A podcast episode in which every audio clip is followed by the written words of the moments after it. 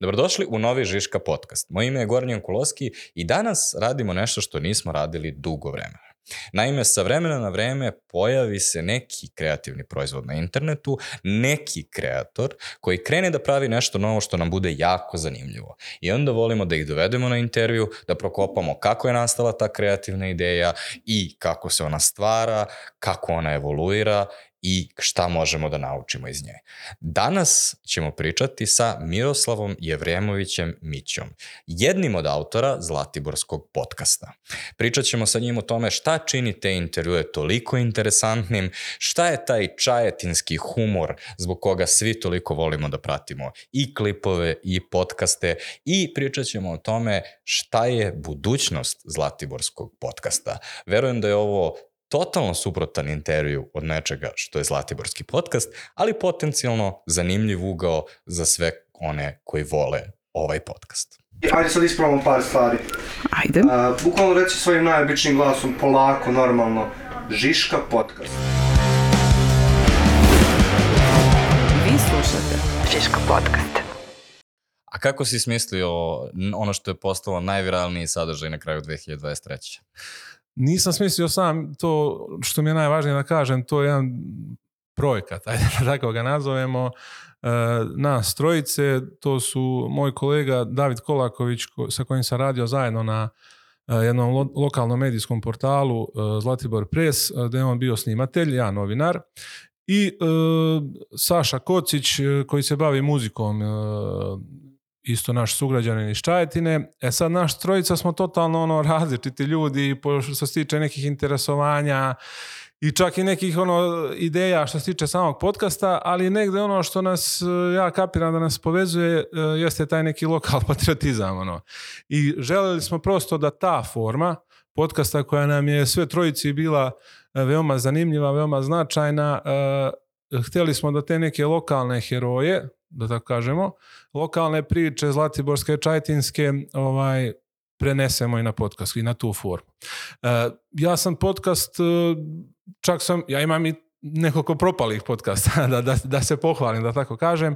E, pre možda deseta godina sam, dok sam radio na Košarci 24 kao novinar na jednom portalu, smo pokušali, mislim, izvini što ja sad to ubacujem, ovaj, e, pokušali smo već tada, smo snimili neke probne podcaste, naravno na temu košarke i sad nešto je malo falilo neke inicijative da to pustimo ono što se kaže u javnost, možda bi nekako i drugačije naša ta saradnja i ta naša priča, pošto su se posle odvojili na različite strane, drugačije izgledala. Ali eto, pre nekih 2013. kada je bio kup onaj Radivoj Korać u Kragujevcu, nije ni bitno, smo negde uradili prve probne, snimili dva i tu je stalo. E onda sam možda pre nekih 6-7 godina e, također sa drugarima i kolegama iz Čajetine pokrenuli smo jedan kvizaški podcast Rintam da te pitam, onako je bio zanimljiv naziv, ali smo snimili jednu epizodu, pustili ove nove platforme i isto smo tu stali. E, onda smo rekli, ja rekao, ajde da vidimo, dizađu bar dve, tri, četiri ovaj, Zlatiborskog podcasta, ali nekako smo zbiljnije krenuli u celu tu priču. Kod se nas kontaktirao sa tom idejom, kad smo bili na nekom događaju, ovaj, e, šta mislite, mogli bi to podcasti naši ljudi, ovo ono, i tu je negde krenula ta, ta, a i David i ja kad smo radili ova snimanja za neke priloge, e, znaš, snimiš čoveka, tebi treba dva minuta, tri minuta, ovaj, a vidiš da bi ima mnogo toga zanimljivo da kaže, rekao ovo je za podcast priča, tako da tako je negdje krenulo.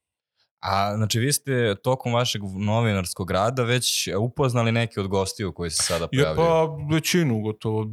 Ja mislim većinu. Mislim ja neke znam ono i van da kažemo posla pošto neki nisu bili negde u nekom vidokrugu uh, interesovanja nekog lokalnog medija ali e, već da, neke smo sretali kroz izveštavanje, neke smo znali ovako iz života, neki su nam komšije, neke su tako, znači ono iz svakodnevnog života. Ali ipak i postoji nešto više malo u Zlatiborskom podcastu, jer kad ti kažeš to su ljudi iz u, ono, Zlatibora i okoline, to može da bude, recimo, može da izgleda kao utisak nedelje, jer tako ljudi sede u studiju, jako su ozbiljni, pričaju nešto jako teško i tako dalje.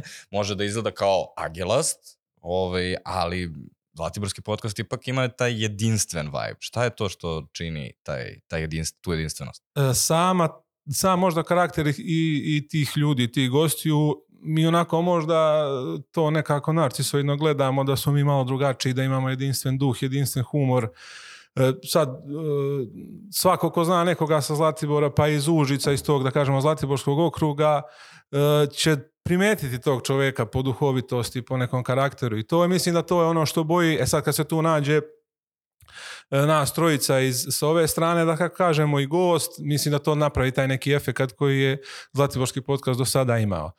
E sad, e, ne znam da li da to sada pomenem, e, još jedna bitna stvar što e, kao lokal, kažem ti, mi smo, radili smo u lokalnom mediju i mislim da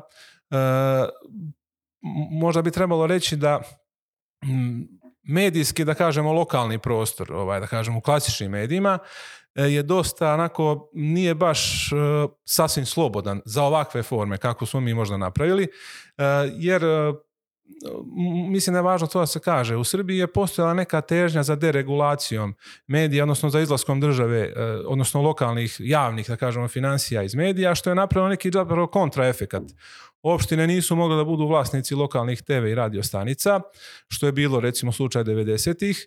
E, međutim, napravio se jedan e, da kažemo model koji je zapravo kontradiktoran. Umjesto da bude da poveća neku slobodu, on je napravio veću zavisnost od, od tih nekih lokalnih vlasti, od da kažemo lokalne politike, a to je ovo projektno sufinansiranje medija.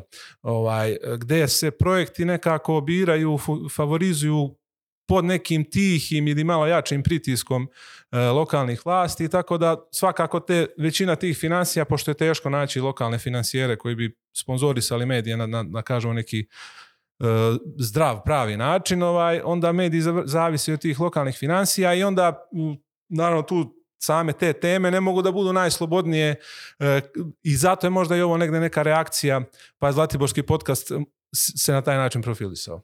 Ali da li je Zlatiborski podcast ima malo tu dozu bizarnosti i recimo paralela koju mogu da povučem je sa recimo top listom nadrealista onom originalnom. Hvala. Kao, ovaj, pa meni to nekako staje u istu kofu. I kada bilo koga bi pokušao da ubediš, recimo ti meni da si došao u agenciji i kao rekao, slušaj, pravimo Zlatiborski podcast i bit će ovi gosti i ovako ćemo da pitamo pitanje to će da bude vibe, ja bi te izbacio napolje. I bio bi, ali čak te ne bih izbacio napolje zato što bih mislio da je previše ludo, nego bi bio u fazonu, bit će dosadno. To, bi, to je recimo moj, kada, kada mi ovako ispričaš samo koncept, ja sam naravno gledao epizode i kao što sam rekao, veliki sam fan.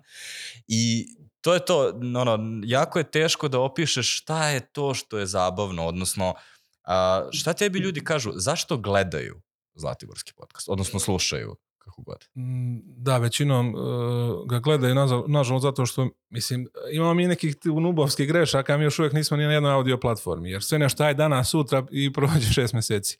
Imamo nih, mnogo nekih kikseva, samih produkcijskih, ali opet ono što nas je vadi je sama ta priča, sama ta, što ti kažeš, vibe, uh, jer to ljudi osjećaju. E, uh, ono što se desi prvo, da naši lokalci su nas odlično prihvatili, što nam je najbitnije bilo od prve epizode, gde nam je gost bio Predrag Kaljević Lingać, jedan tu čajtinski lik, ono, niko ne zna tačno šta on radi, ali tu se mora počajati, ni svima je zanimljiv, ima uvek neke dosetke, ovaj, i sa, nji, sa njegovim gostovanjem je baš to onako da kažemo lepo odjeknulo u lokalu. E, onda po brojkama nekim vidimo da to prosto prevazilazi broj stanovništva samog mesta i onda su ljudi, e, ti si sad uporedio sa top listom nadrealista. Ja to je možda popunilo onaj neki prostor, e, ranije se sećam onih klipova, ne znam, Savo iz Kikinde, ne znam, Clintone Šuntavilo, pa šta je još bilo, recimo, ovaj, polu čovjek, polu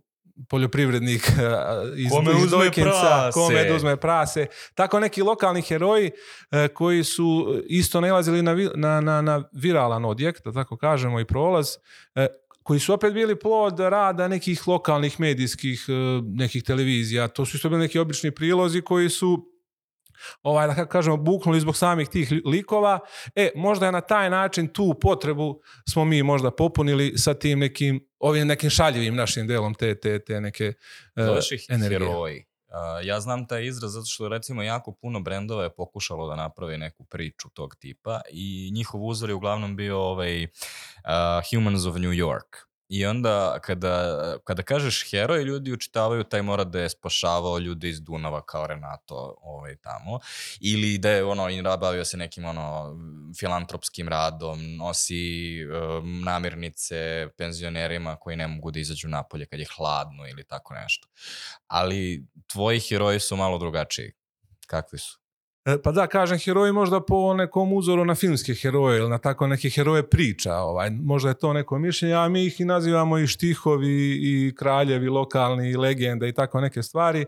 Ovaj, e, he- I zato što su to neki heroji nekih dogodovština priča koje su, da kažemo, u, u deo tog mesta. E Sad, e, mi smo svi slušali priče o tom, ja rađena nisam, recimo Buljugića koji je naj, naj ovaj, gledanija naša epizoda, nisam dugo znao ko je čovjek ni kako izgleda, ali sam čuo za tu njegovu priču.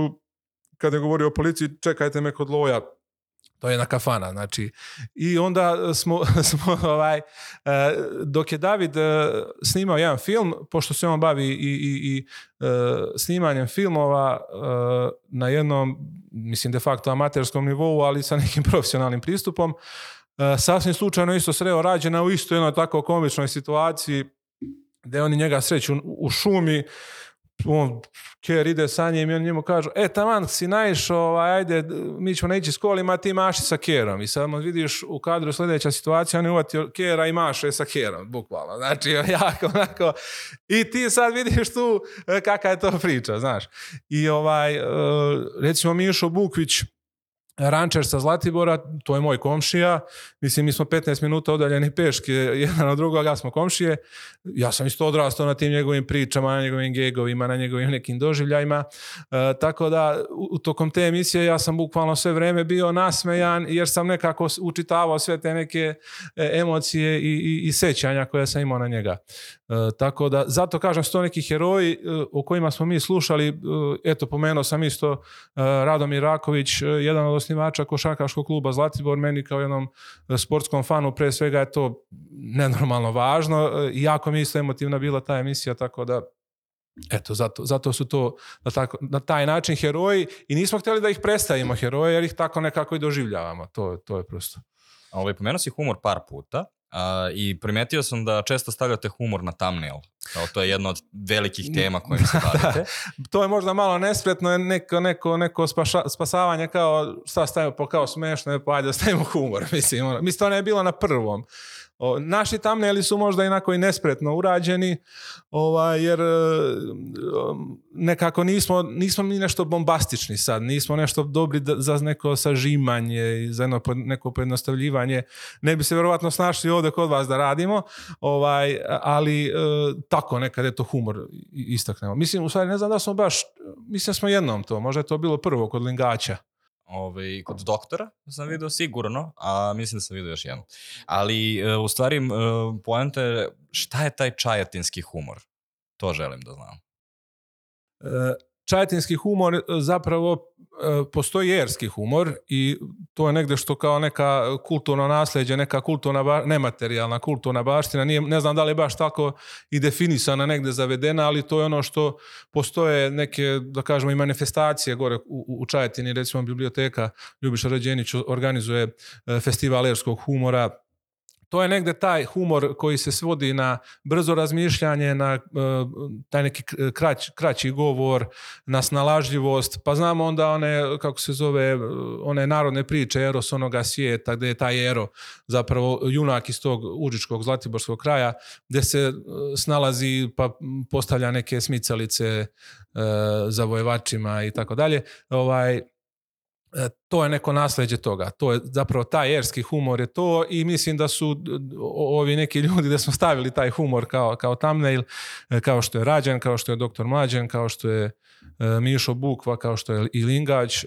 su pravi predstavnici tog erskog humora i još neki ljudi koji će tek biti u, u gosti. Jel Rađan priča istinu ili priča priču? Recimo, jel, jel misliš da je stvarno rekao striptizeti ona, o, Odjaš hoće odane. oslomi? Hoće ovaj da slomi. Pa, e, verovatno da jest. Zato što e, negde e, ima tu, u svakoj šali ima malo šale. Ovaj, e, ima tu verovatno elemenata nekog početnog Da li je on sad stvarno bio toliko u, u, u striptiz baru, da li je ušao stvarno, mislim, ne bi baš mogao toliko da nakiti, sigurno da je bio unutra, E sad, da li ga je jahala, da ga je baš sve, to je sad opet neka njegova, ono da kažemo, sloboda Ne li i, kao i da njegova snalažljivost. začini? Sigurno, začini bez, bez, mislim, pa mi svi činimo, ono, gore, ono, eto ja, e, znaš, ja sam tako navikao sa mojim čalom, znaš, ono, on uvek tako nekoj priči, ja gledam, pa čale nije tako bilo, ali vidim da se svi smeju, mislim, pa rekao, ja, dobro, nema veze, nije, nije zao glavu ništa nikome, ne, Ne treba istina da stoji na putu dobroj priči. Pa otprilike bukvalno.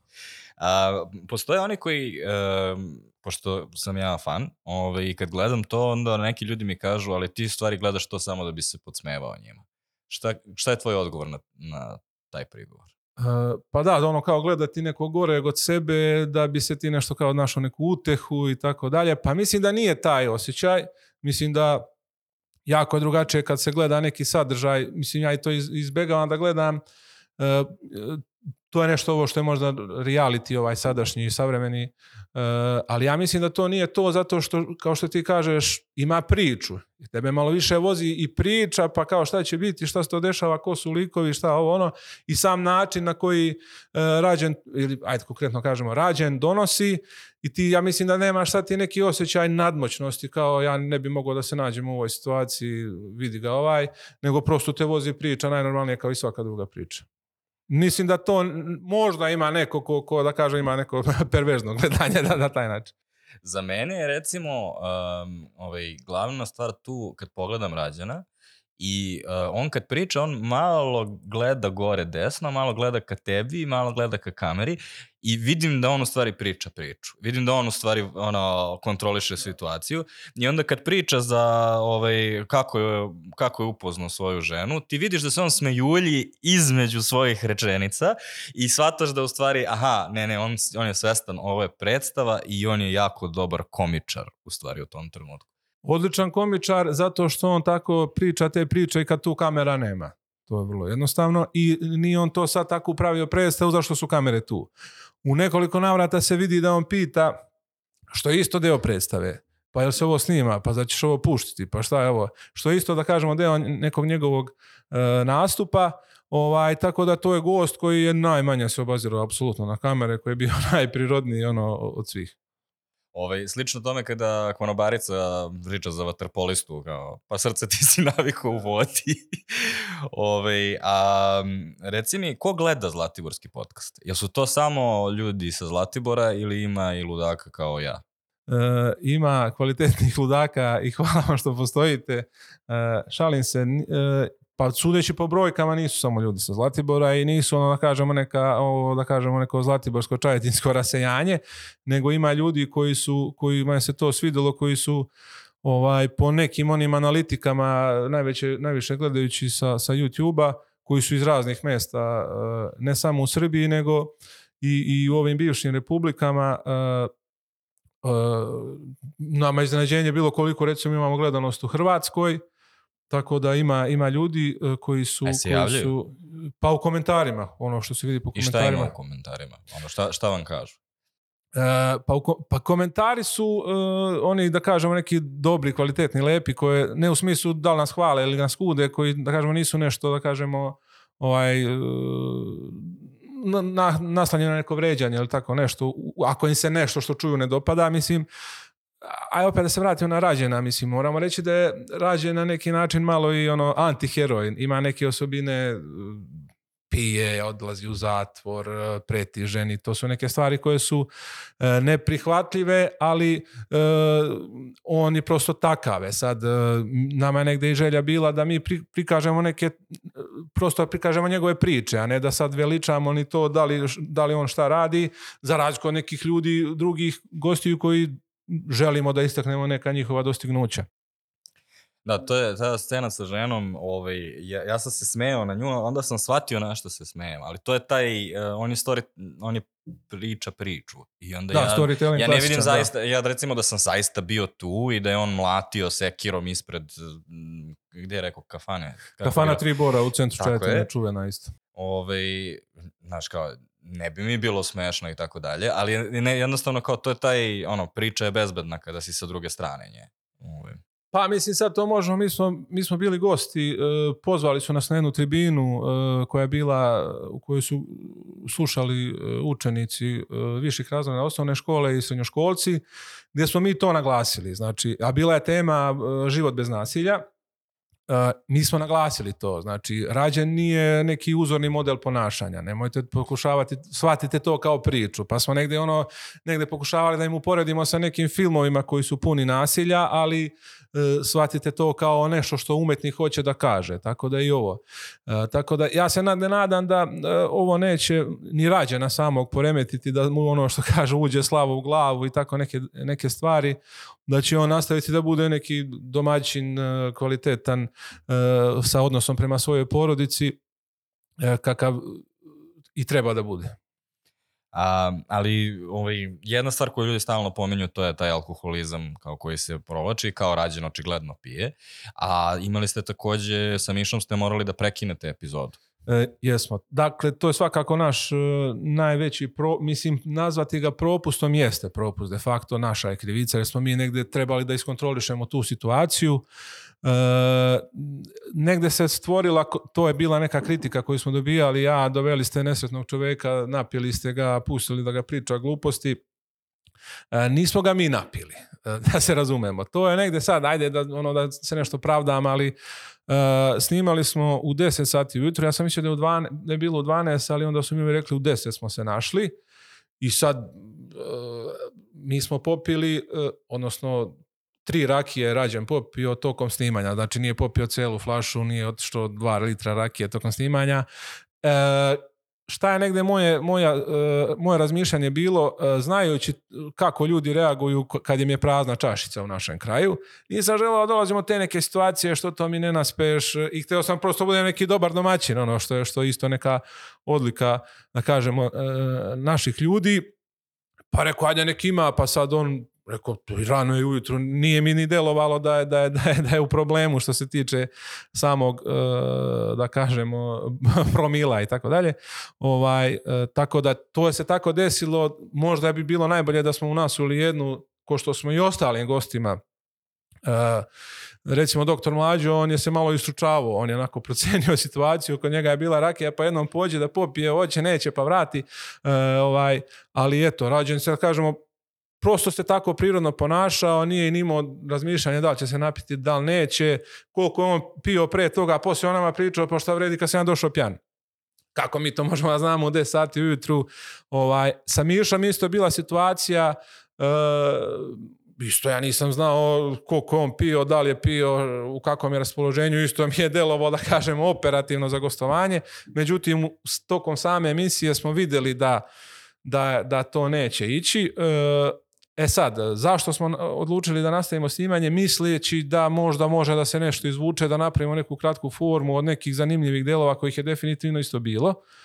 Pošto je neke priče za nijansu bolje ispričao, da kažemo, pod uticajem alkohola nego kad je bio uh, trezan, iako je pričao isto, apsolutno iste priče. Znači nije sad to njemu nešto uh, činilo neku dodatnu fantaziju, dodatne neke elemente ili tako nešto, nego prosto malo sam govor je nekako bio drugčiji, nekako neposredniji, opušteniji, ali to je jedna stvar opet gde smo mu i govorili nećemo Mišo, čekaj, stari. Gde je bilo nekih tako neprijatnih, pa dajte, pa šta, kako nema, pa što sam došao i tako nekih situacija koje smo možda htjeli sa rađenom da izbjegnemo, ali smo, eto, preterali ta treća, možda nije trebalo, ali znaš kako se kaže kod nas, treći, tri, valja se i tako dalje, neki bitan broj je taj tri, tako da, ova, eto, jeste da smo, pogre, mislim, ja, meni je krivo zbog toga i kajem se nekako jer je bilo možda i neprofesionalno i neučinkovito, jer ja mislim da bi rađani pričao isto sasvim normalno i sasvim kvalitetno i zanimljivo i sve ono što je doneo u onome što su ljudi gledali u, u tom, da bi dono i bez te rakije, mislim, na kraju krajeva. Sljedeći put, izvini, kad bude dolazio, neće piti, eto. Vi ste malo uh, propali u onaj uh, problem koji podcasti imaju, a to je podcast je snimljen, ali nije TV emisija. Treba da bude neformalniji, treba da bude, ja recimo kada u jednom od opisu ovog podcasta sam rekao ovo treba da bude kao uh, dobra kafanska priča između dvoje ljudi gde si se ti samo prišunjao i seo na stolicu pored. To je kao kako zamišljam da idealan podcast izgleda. A onda kažeš uh, kako, se, kako biste vi zaista da sedite u kafani i pričali, pa ne biste imali problem što Miša traži treću rakiju ili tako dalje. Bilo bi sasvim normalno i niko ni, ne bi zarezivao. Ovo je bilo to. previše normalno. da. Ovaj, a takođe ti kad si došao, zamalo nam nisi nap, ovaj, napio dizajnere, jer si, do, jer si doneo ovaj, tvoju pečenu rakiju u ovim um, flašama od vode i oni su se obradovali. Vidi Ne, ne, ovo, to, je, to je zamka, to je zapravo stvarno voda. To je zapravo stvarno voda, a ono su pravi proizvodi, ovi ostali, tako da naša rakija žuta, da znate. Naša rakija žuta, ona je stvarno voda. E, ali, uh, ok, izuzev što ovaj, pečeš rakiju, kako se pripremaš za epizodu? Ti si sad u jednom trenutku uh, ovaj, um, rekao da vi isečete delove. Znači, Miša je pričao dva puta iste priče, pa onda birate koja je, koji je bolji take i tako dalje. To je Koliko samo sa ovde- Mišom bilo, da. Mislim da ljudi koji gledaju Zlatiborski podcast uh, pretpostavljaju da je sve to veoma neformalno išlo iz rukava odjednom. Šta je istina? E, za Rađena nije e, i za još jednog gosta, za Adama Stamatovića, nije bio slučaj to, a za ove ostale sve kako je snimljeno, tako je pušteno. Tako da, zato što prosto smo napravili neku cenzuru, e, jer smo smatrali da e, Rađen u toj svojoj nekoj opuštenosti i prirodnosti je bio možda previše, da kažem, opušten i rekao je neke stvari koje smo mi možda procenili da bi bile na neki način ono tumač malo previše e, za malo i svariti publici, a nekako nisu bile toliko ni zanimljive. Tako da, eto, napravili smo tu rez taj u nekoliko situacija. E, Ali ti kad ulaziš, kako, ulaz, kako ulaziš u pripremu podcasta? Jel, jel evo ja imam ova pitanja koja sam spremao da ću te pitati, jel ti pa na sličan način isto imam e, pripremu iz, ra- iz ranijih, da kažemo, novinarskih radova mi je priprema bila veoma važna, za svaki intervju sam ono nosio e, papir, svesku e, koja mi je bila, koju negde, nekad imam pitanja, ali ja uglavnom imam teze, čisto da neke stvari ne zaboravim i negde ideju kako da, da razgovor sam teče. I e, neki eventualno podatak kako ima neka godina ili neko ime, tako nešto koje možda treba pomenuti, tako da to mi piše na, na, na A šta papiru. ti je i važno sama, da bude tu? Pa neke stvari koje su bitne za, za, za tog samog čoveka, neka, neka da kažemo ono što rekao malo predostignuća, neke zanimljivosti. Šta je Mišino te- najveće dostignuće? Ništa. E, to je isto neki autohumor, neko šaljanje na sobstveni račun. Ovaj, e, Mišo ima gomile dostignuća, on, e sad to što je rekao ništa, to je opet taj deo, deo, deo tog humora. Ali, ok, a, ti si napravio Zlatiborski podcast, ja sam gledao Zlatiborski podcast, onda sam u pripremi za ovo ovaj, otišao na vaš TikTok, kliknuo most popular, video šta su ljudi najviše gledali, onda sam umirao od smeha. Inače, prezabavno je, noć pred sam gledao Davida Chappella, novi specijal, i nasmejao sam se jednom, a ovde su mi ljudi prilazili kao šta je bilo, što se to, kao ja umirem od smeha sve vreme, Ove, što je ono, testament opet čajetinskom humoru.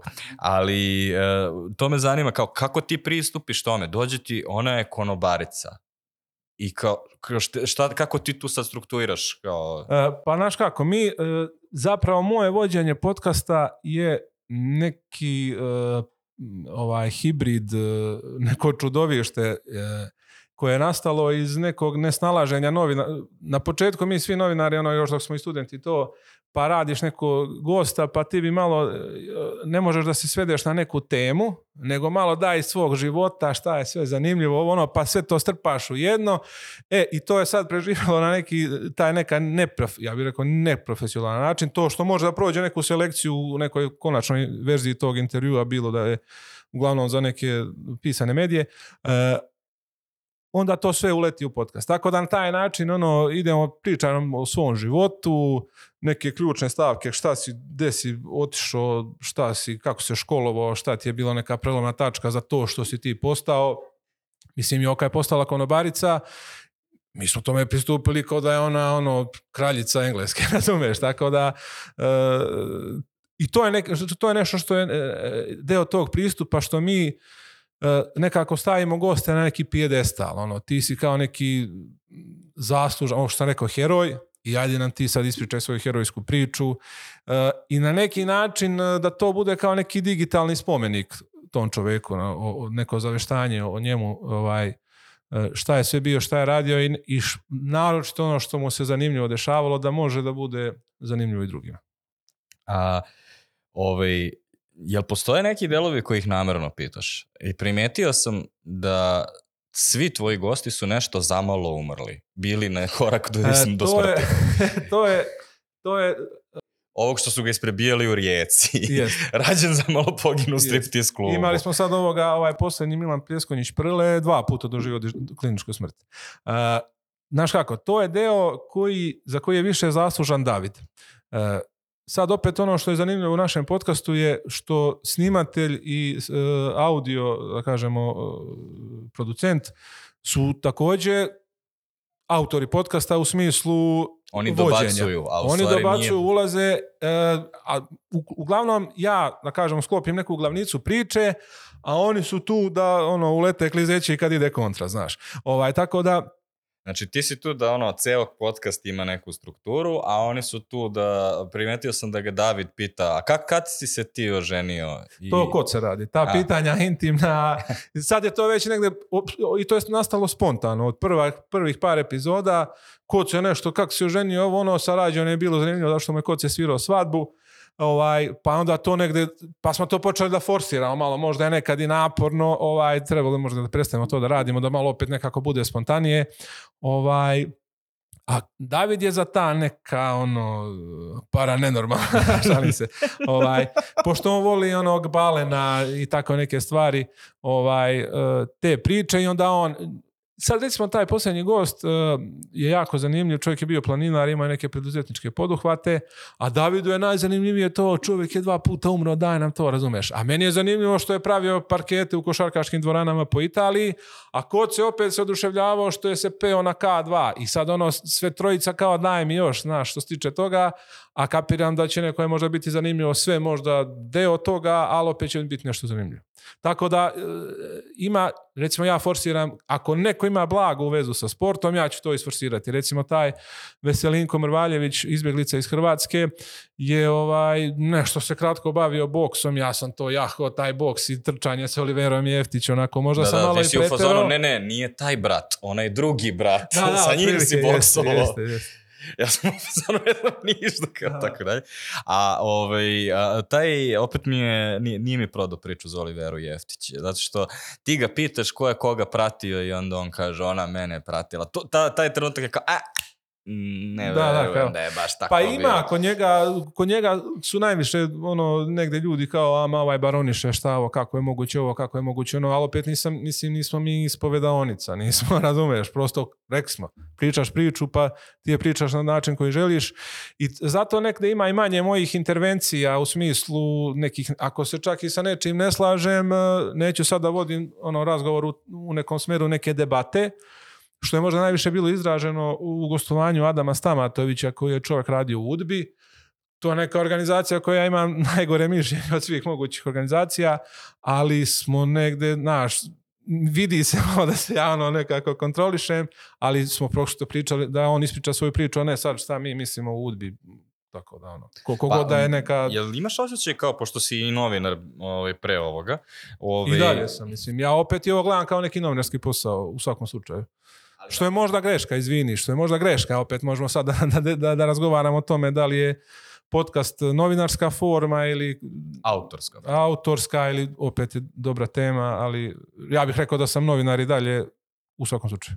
Ali misliš da je neophodno da napraviš ono, nekada te kompromise i tako dalje? Ako bi zaista svakog gosta ono, dođeš, sedneš, hajde da vidimo oko čega se ne slažemo i sada ću ti objasnim zašto nisi u pravu, ti nikada ne bi mogu da napraviš zaista intervju sa bilo kim, uvek bi našao nešto što ne valja sa nekim. Pa to jest, to jest i, e, ali opet to bi bili možda neki drugačiji intervjui koji bi i- imali za cilj da se nešto isprovocira, da se na neki način nešto istraži.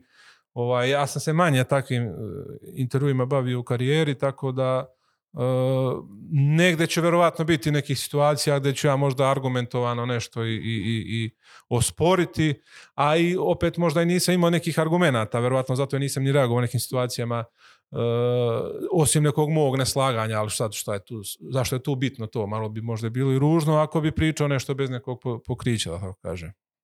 Ali primetio sam jednu stvar koju radite u svakoj epizodi, uvek pitate za zatvor. Si bio u zatvoru? Pa isto se to nekako slučajno pojavilo. Ovaj, um, jer je prosto taj prvi gost je bio u zatvor i on čak kaže Lingać, svaki Srbin treba da ode šest mjeseci u zatvor, znači ne vojska, ne ništa, nikakav putovanja, ono iskustva, nego u zatvoru se s tim malo šlifuj. Odnosno, kako Ovaj- Miša to kaže, si bio u zatvoru? Nisam. Bićeš. Bićeš kako si krenuo. I, i negdje mi sam ono poslije razmišljao, pa dobro, što ako nekad i budem u zatvoru, nekako mi prosto i bude i malo i lakše, ono, to razmišljanje, nije, nije me neki strah da odem u zatvor. Ovaj, tako da, Možda. E, eto, tako se desilo prosto. Ako znamo da je neki gost u zatvoru bio, negde se to i pomene, negde za nekoga znamo, za nekoga ne znamo, ovaj, pa to dođe do, do, do tog. Ovaj. Pa čak ono kad smo bili, kad nam je bila ova devojka koja radi na kruzeru Milina Velanac e, i ona kao ima na kruzeru i zatvor i kao zatvor, stvarno, kao, Pusti one gole ljude koji su bili tamo. Da, da, da. Nego kao triggerujemo se, kao zatvor, upali se na lampica zatvor. Kao. A to je, uh, ono, postoji ona teorija kao ovaj, uh, dobra priča je karakter plus konflikt, odnosno karakter u nevolji i onda ako samo izlistaš nečije nevolje, šansa je da ćeš naći tu negde dobru priču, ljudi od toga uvek naprave nešto zanimljivo. A kako biraš goste i, ovaj, evo recimo, ne zanimaju me prethodni gosti, nego kako ti sad razmišljaš, ko je sledeći, kao, ka- kako, ovaj, šta treba da ispuni da bi bio gost u Zlatiborskom podcastu? E, razmišljamo isto kako smo razmišljali pre što smo ovaj, počeli da snimamo, zato što smo mi već tada definisali neku listu ljudi koje želimo da vidimo i da čujemo, tako da se apsolutno ništa nije promenilo i nakon ovih e, 19 epizoda koliko imamo. E, to će biti ljudi koji su nama zanimljivi, koji imaju neka dostignuća e, za koje su Eto, to je to, bukvalno nema tu šta. A da imaju neke veze sa Zlatiborom i sa Čajetinom. Zašto smo imali ljude koji nisu odatle, ali recimo, eto, Vanja Bulić ima vikendicu, pa smo se onda uhvatili toga da je pisao na Zlatiboru i Lepa sela i, i ovo, šta je pisao, Simeonov pečat i tako dalje. Tako da, ovaj, ako ima neka, ono, neka poveznica sa Zlatiborom... Recimo, Vanja Bulić mi je jedina epizoda koja ne radi, iako je možda najpoznatiji gost. Pa iskreno i... I, I, kao nije da. mi Zlatiborski podcast, jer kao vi imate ozbiljan razgovor i, i nekako sva, sva ta radost, ovo je neka igra, ovo je neko zezanje, ovde će neko taj čajetinski humor koji smo rekli na samom početku, toga nema u Vanjinoj epizodi. Pa prosto zato što, eto, jasno je zašto nema, zato što nije, nije taj nije taj vibe epizode i mislim bit će takvih epizoda još. Možemo da kažemo da su možda još neke bile takve. Ovaj možda Velinka Bisić e, koju smo ja mislim pustili drugu e, nema možda nekih toliko duhovitih elemenata ali ima bogato neke životno iskustvo iz nekih sasvim običnih poslova žena je bila učiteljica ono ali je donala isto neku zanimljivu priču a i ona isto zapravo nije sa Zlatibora ona je se tu doselila Ne, ne, definitivno ima nešto u vodi, to je... da, Ovaj. ali treba dovoljno Vanja nije pio dovoljno vode gore kao, kad ovaj priča kako je, kako ga zovu zato što je vo upao u kuću. da, da, da, da. Ovaj, to je ovaj, nepolavljivo. A da li bi Jeste, ti jeste. mogao da budeš gost u Zlatiborskom podcastu? E, Pa mogao bih i bit ću, ali neću, to će biti dosadna epizoda ko sa Vanjom, zato što sad ja ne znam da li ti osjećaš taj vibe e, sada dok mi pričamo, E, ali pazi, ti si sad u Žiška podcastu, Žiška podcast je najdosadniji podcast na svetu, razumeš, ovde je, mi ovde kao konstant, razumeš, ja tebe kao grilujem o stvarima, kao da provalim kao kako si ti to napravio, zato što na kraju, ono, želim da ljudi shvate nešto o kreativnosti, ali kao ja, ovo nije humoristični Da, da, podcast. ali pazi, nekako nije ni, naš, nije ni nama i bila ideja da napravimo humoristički podcast. A to što su humoristički sadržaj je posljedica ovo što smo rekli, ono što smo ispričali jasno ljudima, toga kakvi su ljudi. Tako da, a mi smo negdje svakako pričali, imamo negdje ideju da kad nam neko zapne od gostiju, samo će neko sesti tu, je sad kako, ko će voditi, vjerojatno bi kod se vodio ako sam ja. Uh, uh, David je sad uh, u Južnoj Americi, otišao je na neko backpacking putovanje sa, sa, ženko, sa suprugom svojom i uh, kad se on vrati, sigurno će biti gost da sabere te svoje utiske, tako da, ono, i da ga, da ga uh, vratimo u studio. Dobro, jesi bio u zatvoru? Nisam. Ali možda kad budemo u zatvoru pa ću onda da, da gostujem. Ovaj, e, možda je dovoljno bizaro što evo sad e, ti si podcaster koji gostuje u podcastu da priča o svom podcastu i Isto U krug, nešto. Tako. A um, reci mi, uh, ovaj, kako ti gledaš na Zlatiborski podcast? Je li to uh, podcast ili je to platforma za kratku formu, pa to ide na TikTok, Shorts i tako dalje? Ne bih rekao da je platforma za, kratku, e, za kratke sadržaje, zato što je nama u startu bila ideja ovaj integralni CEO podcast, zato što više ljudi vidi i čuje u, u, u celini priče. E, a ovi kratki snimci su nam negde više služili kao alat da dovedu kao ovoj glavnici, da tako kažemo. I mislim da smo mi to čak negde i nespretno i radili, jer mi isti, isti da kažemo, e, video postavimo i na YouTube i na TikTok i na Instagram, nema nikakvog prilagođavanja nekoj publici, nekom, nekoj formi. Malo smo kačili neke fotografije e, na Instagramu, ali e, Pazi, ne bih rekao, kogod da montira, ipak ima malo ovaj, stila za to. Rekao sam ti, meni je najsmešniji Reels 2023. godine sa Mišom. To kada ga pita, koje je tvoje najveće dostignuće? Ništa. Kraj. Zlatiborski podcast.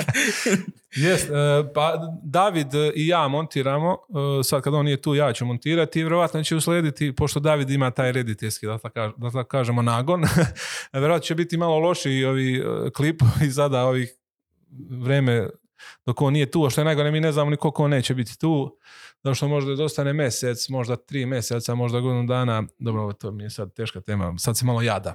Ovaj, ali e, imamo, da kažemo, tokom samog razgovora osjetimo šta bi moglo, šta nekako pikuje naše raspoloženje i šta bi moglo da, mislim, očigledne su neke stvari, tako da onda to gledam, te prve kad smo izbacivali sa lengačem, ono, malo smo bili nevešti, nismo znali koja je, mislim, do koji smo mi nu- nubovi zapravo, koliko šta može, de, da li će YouTube da prihvati, da li neće, da li će ga stavi u kratke ili ove klasične, tako da malo smo onda gledali da selektiramo samu, samu priču, da isečemo. To je nekad teško, pogotovo sad recimo rađen u Mihajlovcu, to je baš bilo teško isići, ispakovati ga u minut, ali nekako smo uspeli i ovaj mislim da to je dosta je bitan taj deo tih kratkih, e, jer neko ono, pogleda epizodu pa onda pogleda te kratke da se malo podsjeti ovaj, da, da, ne, da ja sam, a, ja moram da ti priznam da ja sam ekskluzivno gledao samo kratke klipove. Kao nikad nisam odgledao celu epizodu. Da. Ove, ali e, kratke klipove sam gledao više puta iz više razloga. Prvi put zato što sam kao ovaj, na, A kako si ti čuo, izvini? Da, samo ste me našli na TikToku. I ovaj, ja sam, ovaj, pošto Miloš, koga znaš, ovaj, on je partner u firmi i ovaj, ljudi koji su došli iz Užica ovaj, nose to kao badge časti ovaj, u naokolo i onda on je, znaš, kao, bilo šta što se desilo u Užicu, pošalješ Milošu. Kao što kada gore kinezi u blokovima, meni šestoro ljudi pošalje, pošalje kao kod tebe u kraju, znaš. I ja sam poslao njemu ovaj, to i on je rekao pa da, to su ovi carevi i sad ispričao mi sve koste i tako dalje.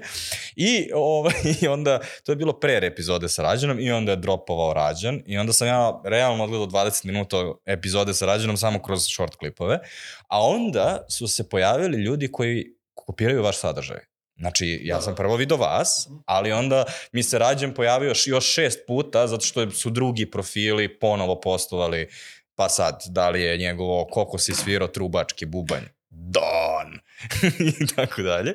Ove, ali kao ja sam to video mnogo puta i kad sabereš kao koliko sam gledao, da, kao potrošio sam sate, ali nikad nisam, ono, nikad me nije privuklo uopšte da idem kao u podcast formu.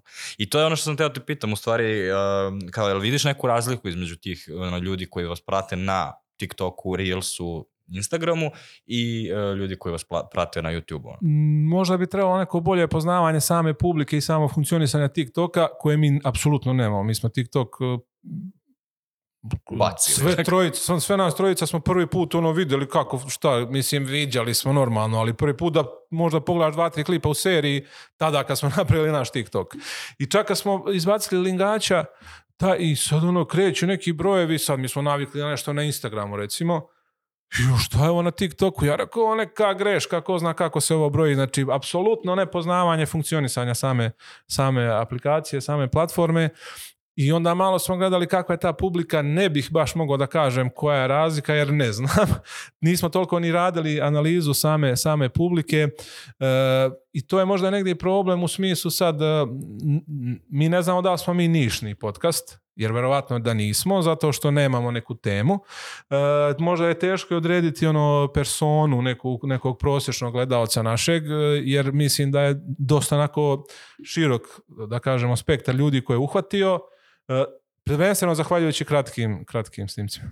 A recimo, jedna stvar koju sam ja primetio, sad ovo je možda zato što se ja družim sa takvim ljudima, ovaj, a to je uh, žene znaju da postoji Zlatiborski podcast, ali muškarci budu u fazonu jesi video i ovaj drugi kaže Zlatiborski podcast i onda svi krenemo.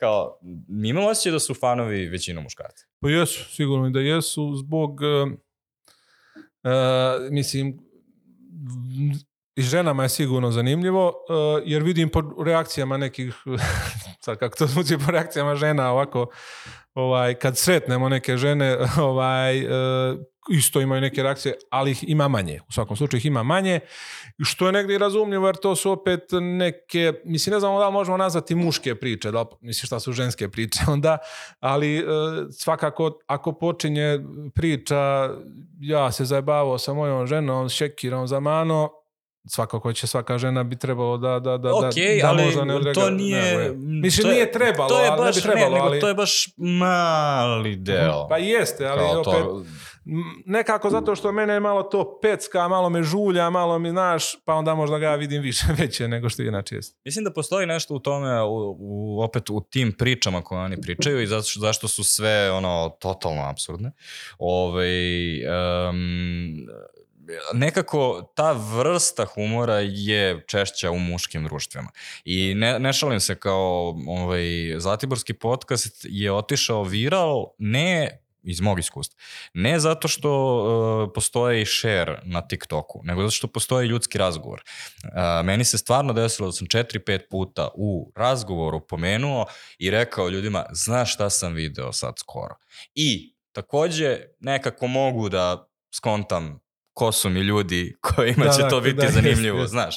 Ako je neko doktor istorije ili ne znam čega kao moj Mirko Dutović, njemu neće baš da biti interesantno da gleda nešto tako, a ovaj, ono, moje rotacije iz bloka kao, da, to je, to je ta ekipa koja će to biti ono, preinteresantno. I ima još detalj, ima mnogo nekih fraza koje je lako ovaj, u, ubaciti u neke situacije, recimo, ako neko treba da govori nešto dan, sigurno će reći dan, recimo, ili tako nešto. E pa to je, uh, to je opet uh, trenutak kada sam ja osvestio, recimo, to nije mi bilo jasno, znači ja sam kad sam bio fan, samo sam gledao stvari kao uživao u njima, ali um, kada sam pripremao epizodu i kada sam slušao malo ovaj, pažljivije šta ti pričaš o Zlatiborskom podcastu, onda sam shvatio to ako ih posmatraš kao komičare.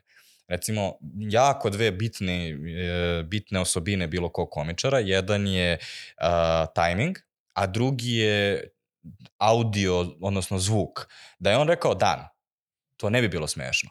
Ali on zna da on tad mora da kaže dan. I ne I može da se odglumi. To, Tako to kako on generiše svoj glas ne može da se odglumi. Ni Mišo kao što ne može da se odglumi, ni, ni doktor Mlađo. Ni, znači to, to je neka njihova autentičnost zapravo što Da, ali Doktor jeste. recimo, uh, Mišo i Rađan su dosta sli, sličan vibe, slična, sličan karakter, a Doktor je totalno drugi karakter. On je nekako... Um, ovaj, njemu je zaista smešno sve što se dešava oko njega, ali on je normalan, a ovo dvojica Da, da. su veoma Jeste, jeste. otvoreno njih Da, dvojica da, su da. ludaci. da, da. Ovaj, I tu je recimo ovaj uh, koji priča za, za vola koji je upao, zaboravio sam kako se. Lingać, Peđa, jeste. E, ovaj, on, uh, on je isto jedan od tih koji posmatra svet oko sebe i ne može da Jeste. veruje šta se Jeste, dešava. jeste, jeste. A ovo dvojica su svetovi za sebe. Jeste, jeste. Njih posmatraju kao.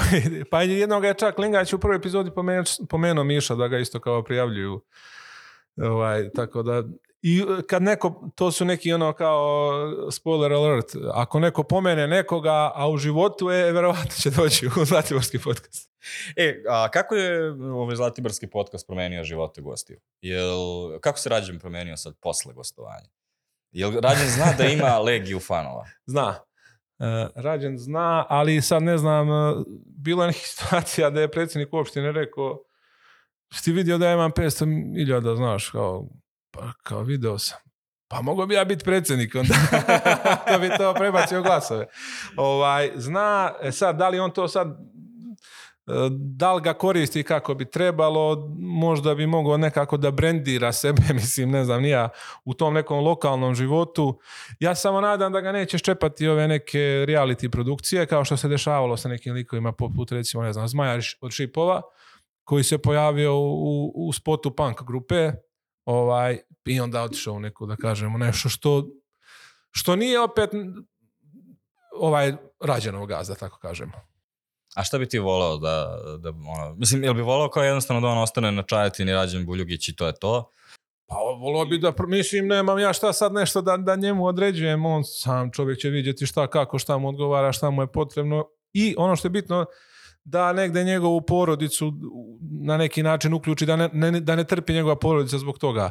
E, mislim da bi odlaskom u neki reality, ajde sad nešto, nešto se za to uhvatio, možda bi bilo nešto problem. Mislim, ne bi možda bilo prijatno da njega vide i na, to, na taj način u toj Ali video si se sa njim, uh, presnimili ste novogodišnju čestitku. Jesmo, videli smo se tad e, da, da, da snima tu novogodišnju čestitku i malo smo popričali i onako, ali rađen je svoj čovjek, mislim, nemaš sad ti njemu, ono, nemaš ti njega menjati u njegovih on je 72. godište inače. Znači to je epizoda dvojice ljudi koji izgledaju znatno starije. to je jedan zanimljiv onako isto moment koji se provlači kroz sve, sve podcaste. A dobro, Rađan je objasnio to u onoj priči kada priča kako je došla mu je školska, Tako je, on da, kaže, da. ko ti je Rađan? To mi je sin. znači, kaže, kaže, šta si mu ti? Pa ja otac. ovaj, tako da... A šta je tvoj izgovor? pa eto, gledanje podcasta. gledanje podcasta i rad u novinarstvu, eto ti vidiš. ovaj, tako da, eto, to, to me ubilo. E, ne znam, eto, prosto, e, mislim da svima onako e, bude ono što sam rekao, dobiju neko, neko svoje zaveštanje, dobiju neku recimo Milini Velanac, to je devojca što radi na kruzeru, nema tu šta da promeni nešto karijeru, da je otvori neku, ne, ne verujem, ali možda i hoće, ko zna, možda će neko reći, aha, ti si ona što je bila u... Jel, ovaj, devojka koja je konobarica, Jel... Njoj, no, ne može, e, njoj je promenilo u smislu da su dolazili gosti baš zbog pa nje, to. to jeste bilo, da, ovaj, e, Jel da, bilo da se upoznaju. Poli me pije. pa ne znam sad koliko su, koliko su daleko išli, ali s obzirom šta su sve lokalci radili u, toj, u tim kafanama, u toj kafani u stvari konkretno, ovaj, ne bi ni to bilo iznenađenje. Da, da živi u Americi, sigurno bi bilo ono kako uđeš na vrata, kreće Motorola, plava Motorola da, da, da, recimo, i kao svaki gost dobije jedan krug plave Motorola yes. i može da plati dodatno i onda Za polivanje, jest. Da, ovaj, um, saberi se. Evo, ovaj, Elem, uh, šta je budućnost onda? Uh, znači, šta je plan za Zlatiborski podcast? Osim što je, rekao si, uh, David otišao u Južnu Ameriku, to je... Plan je da ovaj, nastavimo u ovom tempu. Mi smo nekako sve vreme orijentisani prema samom sadržaju, prema samim ljudima, da, da ih lepo uklopimo, da ih dobro, da dobro pripremimo sami sebe za, za, za te razgovore. Nekad uspemo, nekad ne uspemo i onda ako je, ako je dobar gost, to da li sam ja manje ili više pripremljen, ako on, njegova priča ide lepo, zanimljivo, na visokom nekom nivou pažnje, moja priprema možda neće doći do, do lošija eventualno, neće doći do izražaja, ali negde ja moram da budem opet dobro spreman za svaku i da nekim tim pod pitanjima, pitanjima čupamo eventualno nešto ako neko negde ovaj zavrlja. Ovaj, I to nam je, mislim mi od početka razmišljamo o sadržaju, o gostima, o, o E, boljem kvalitetu produkcije, ulagali smo nešto i u opremu, i studio nam se malo menjao, ne znam koliko to može da se primeti. Tako da to je ono što, i zato možda negde kiksu, kiksamo sa te neke komunikacijske strane u smislu monetizacije i daljeg širenja, jer ovaj, to smo nekako prepustili publici i onda je to imalo vrhunske reakcije, ali vjerovatno u nekom momentu moramo se malo poboljšati sa te strane, da, da same te marketinške, ovaj, pa kad se ugase kamere malo, da popričamo o tome, o nekim savjetima. A koliko ima ljudi na Čajetini? U Čajetini pa opština sad kad su bili izbori... E, Dobro, pitam to od prilike jer kao koliko imaš gostiju? Oko 13, Će uvijek biti samo oko čajeta? E, pa naša ideja jest da budu samo, da kažemo, čajtinci, zlatiborci, pa i sa nekim ponavljanjima, tako da mislim da, da ćemo A to biće ponavljanja? Ali je bilo, bit će ponavljanja sigurno, jer prosto mnogo ljudi sad traži rađena, ali opet ne treba publici ni podilaziti, to je neka naša ideja. Pa takođe kao, I... evo kako prilaziš novoj epizodi sa rađenom? Šta ćeš sada pričaš? Pa Šta da opet neki pripremiš? izazov, ono, pod, pod broj jedan ne pijemo. Mislim, dobro, ja inače ne pijem, ali pod broj jedan, znači ne pije se, možda nekad pred kraj, eventualno, ako baš bude kriza. Ovaj, e, pa napravit ćemo neki, da kažemo, samo nastavak, pošto ima nekih njegovih anegdota koje nisu ispričane, ovaj, eventualno zvali, to ljudi non stop predlažu, da dovede Miliju Tarlana s kojim je se vozio na traktoru kad, kad su išli kod Loja ovaj, ili Obru Kobru, to isto neki, mislim da dobili komentar, kaže, sedim i danima razmišljam kako izgleda obradin Kobra. Znaš, čovjek koga je pomenuo, rađen, ovaj, i tako, to su neki ono lokalni, opet kažem, junaci koje, koje će, koji će biti tu, uh, samo će se, da kažem, neka priča nakalemiti na ovo što je bilo, jer sigurno se desilo nekih zanimljivih stvari koji su derivat samog tog gostovanja. Tako da, ovaj, ali opet s druge strane nećemo, kažem, nećemo podilaziti. Mi ne odustajemo od našeg plana koji je bio pre što smo snimili jednu epizodu. E, Znači, nećemo se mi sad pretvoriti u, ne znam, rađen show. Što bi možda imalo nekog efekta dva, tri meseca i verovatno bi ljude sm- smorilo. Mislim, ne znam šta ti misliš.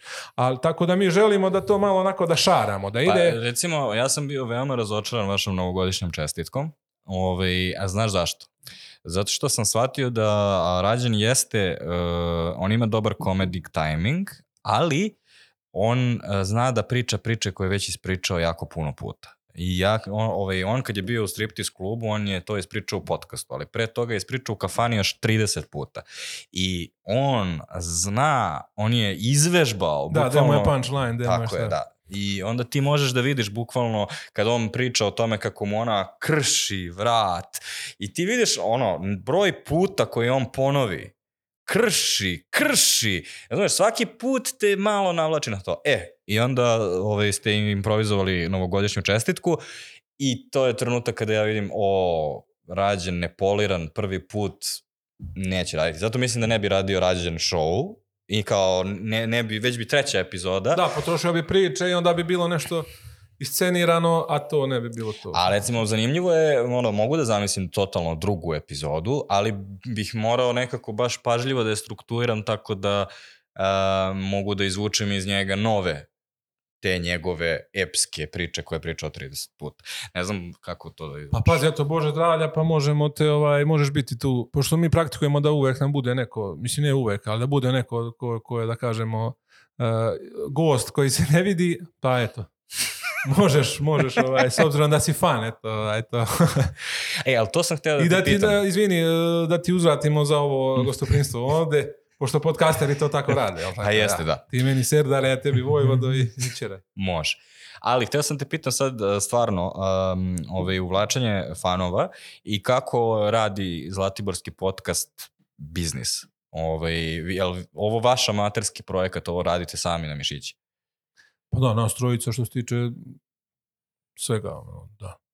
A jel ste ikad razmišljali o Patreonu ili podršci fa followera, fanova? I? Razmišljali smo i sad opet kako koliko su mi ono, što bih rekao, Mišo, koji smo mi prošjaci u tom svetu, ovaj, imali su nekih problema kako se to otvara uopšte, onako, otvorili smo ga na kraju s mukom naporedo, tako da svakako razmišljamo o tome i to nam je negde cilj kako da to, ovaj, da, da ta baza i moramo svakako napraviti audio platforme da toj publici koja bi želela da sluša, koji možda taj humoristički deo tih kratkih ovih uh, segmenata je negde sporedan, ali više hoće da čuju ovu uh, veću pri, celu priču i, i da nisu baš tu samo da bi se zabavili, da bi se nasmijali, nego da čuju neke, neke druge stvari koje imamo.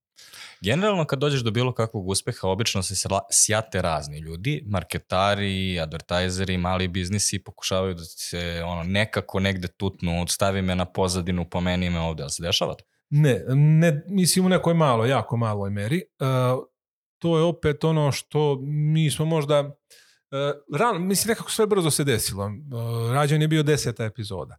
I sad to je neki kratak, možda neki vremenski rok, možda smo mi uh, to očekivali u nek, posle nekih 6, 7, 8 meseci, pa da onda krenemo sa nekom strategijom predstavljanja sebe, e, što ti kažeš marketarima, ko bi mi to mogli da prodamo u smislu saradnje neke tog oglasnog prostora ili kako već, šta bi mogli, kako bi mogli da sarađujemo, neke nove možda ideje bi, već smo imali, nešto smo pričali, ovaj, ali to je nešto ono što, opet kažem, razmišljamo, ne znamo šta je naše, ne znamo šta, šta, kome se obraćamo i onda dosta je široko i možda i zato to verujem da ti znaš najbolje nema šta tebi da pričam shvataju možda koliko im je to nekako nije, ne bi im radilo ono što im bi trebalo da radi jer je nedefinisano E sad, ono možda s druge strane ja sam nekako razmišljao da je to možda neko ko bi se više e, e, vezao za nas kao proizvođača, a ne za publiku koju nešto plasira, ovaj, kao proizvođača tog sadržaja.